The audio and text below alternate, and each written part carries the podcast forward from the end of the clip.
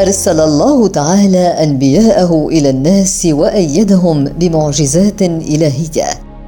تثبت للناس صدقهم ولكل نبي معجزته الخاصة.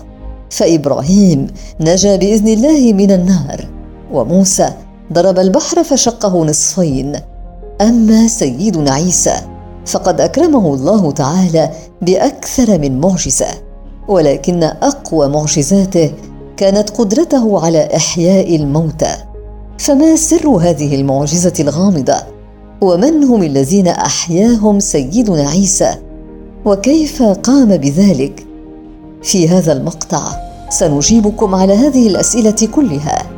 فتابعوا معنا.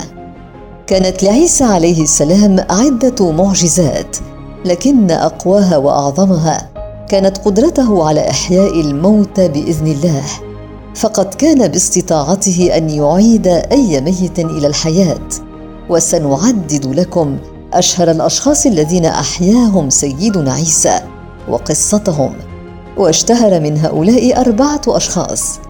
اولا عازر صديق سيدنا عيسى وقد أصابه مرض عضال جعله يحتضر.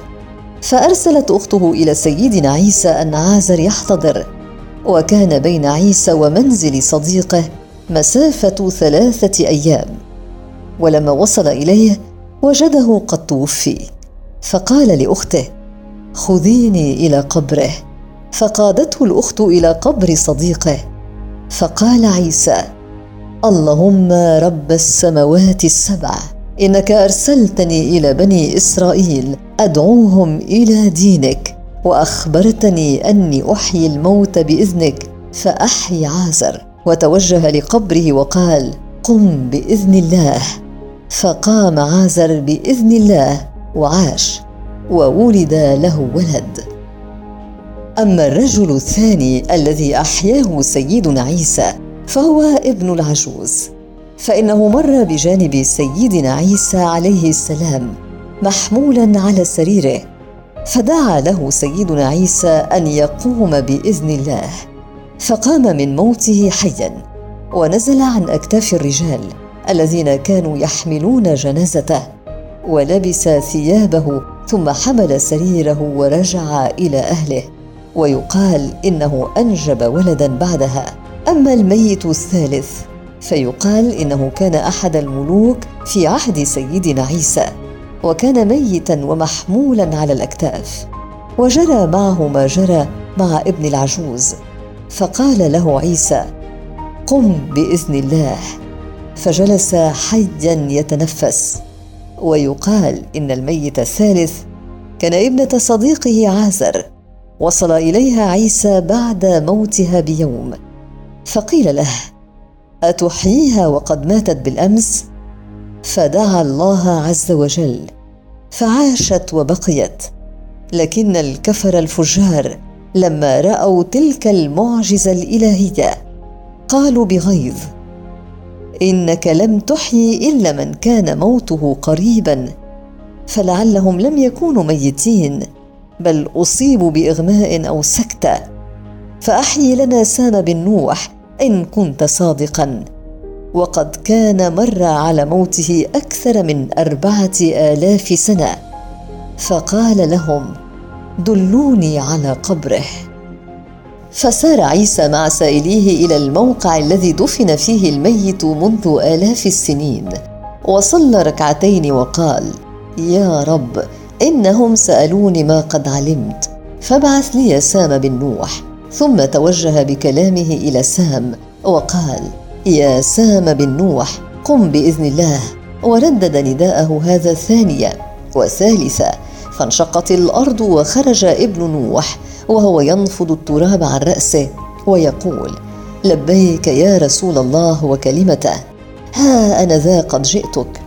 ثم توجه بكلامه إلى بني إسرائيل وقال لهم هذا عيسى ابن مريم ابن العذراء المباركة روح الله وكلمته. ألقاها إلى مريم فآمنوا به واتبعوه. وعاد وخاطب عيسى وقال له يا روح الله إنك لما دعوتني جمع الله مفاصلي وعظامي ثم سواني خلقا فلما دعوتني الثانية رجعت إلي الروح فلما دعوتني الثالثة خفت أن تكون القيامة فشاب رأسي وأتاني ملاك فقال هذا عيسى يدعوك لتصديق مقالته.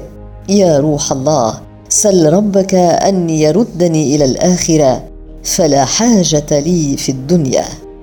وشدد ابن نوح على طلبه هذا وقال لابن مريم يا عيسى أكره كرب الموت ما ذاق الذائقون مثله. فاستجاب نبي الله طلبه ودعا ربه واستوت الأرض على ابن نوح وقبضه الله إليه من جديد. وابرئ الأكمه والأبرص وأحيي الموتى بإذن الله. وهناك رواية أخيرة عن امرأة أحياها عيسى عليه السلام حيث كان عيسى يمر برجل يدمن الجلوس عند قبر في المقبرة. فقال له مرة يا عبد الله أراك تكثر القعود عند هذا القبر؟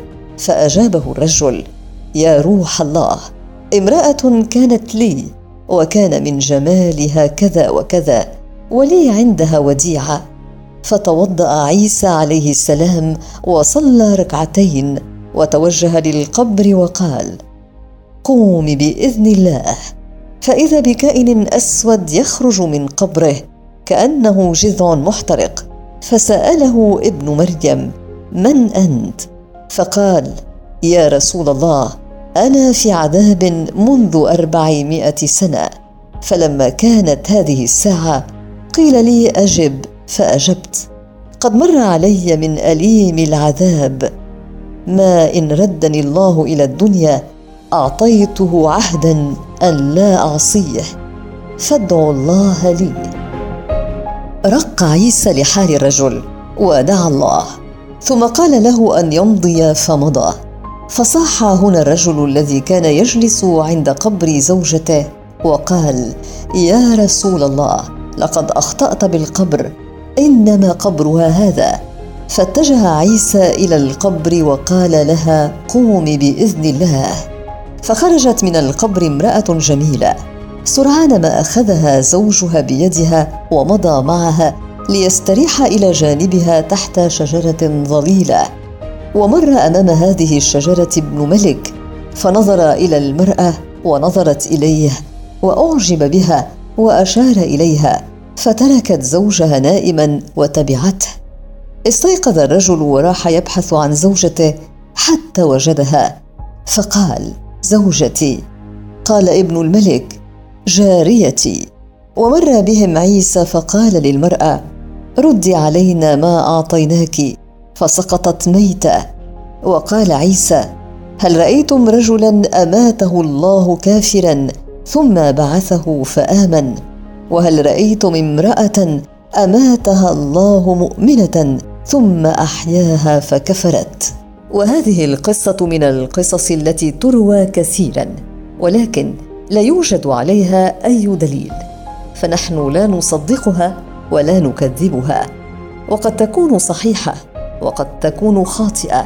ولقد كانت معجزة إحياء الموتى هي آخر معجزات سيدنا عيسى الحسية. والهدف منها تأييد سيدنا عيسى أمام قومه وليؤكد الله للناس أن مسألة البعث وأحياء الموتى هي مسألة هينة عليه. فكل المخلوقات ستبعث من جديد يوم القيامة. وقد وقعت قبل مجيء سيدنا عيسى عدة حوادث لإحياء الموتى منها ما حدث على يد سيدنا موسى وذكره الله تعالى في سورة البقرة حيث قال فقلنا اضربوه ببعضها كذلك يحيي الله الموتى ويريكم آياته. لعلكم تعقلون. حيث أمر الله تعالى سيدنا موسى بأن يجعل قومه يضربون الميت بعضو من أعضاء البقرة وهي البقرة الصفراء التي ذبحوها ذاتها فضربوه بها فارتدت الروح إلى الميت وقام من موته ليدل الناس على المجرم. أما الحادثة الأخرى فهي مع نبي الله عزير والذي مر على القرية المدمرة وقال كيف لله أن يعيد الحياة إلى هذه القرية بعدما حل بها من دمار وخراب؟ قال تعالى أو كالذي مر على قرية وهي خاوية على عروشها قال أن يحيي هذه الله بعد موتها وكان معه حماره وطعامه فأماته الله تعالى على الفور وأحياه بعد مائه سنة ليريه أنه على كل شيء قدير وأحيا حماره أمامه وأبقى على طعامه وشرابه دون أن يتعفن فأيقن أن الله تعالى على كل شيء قدير.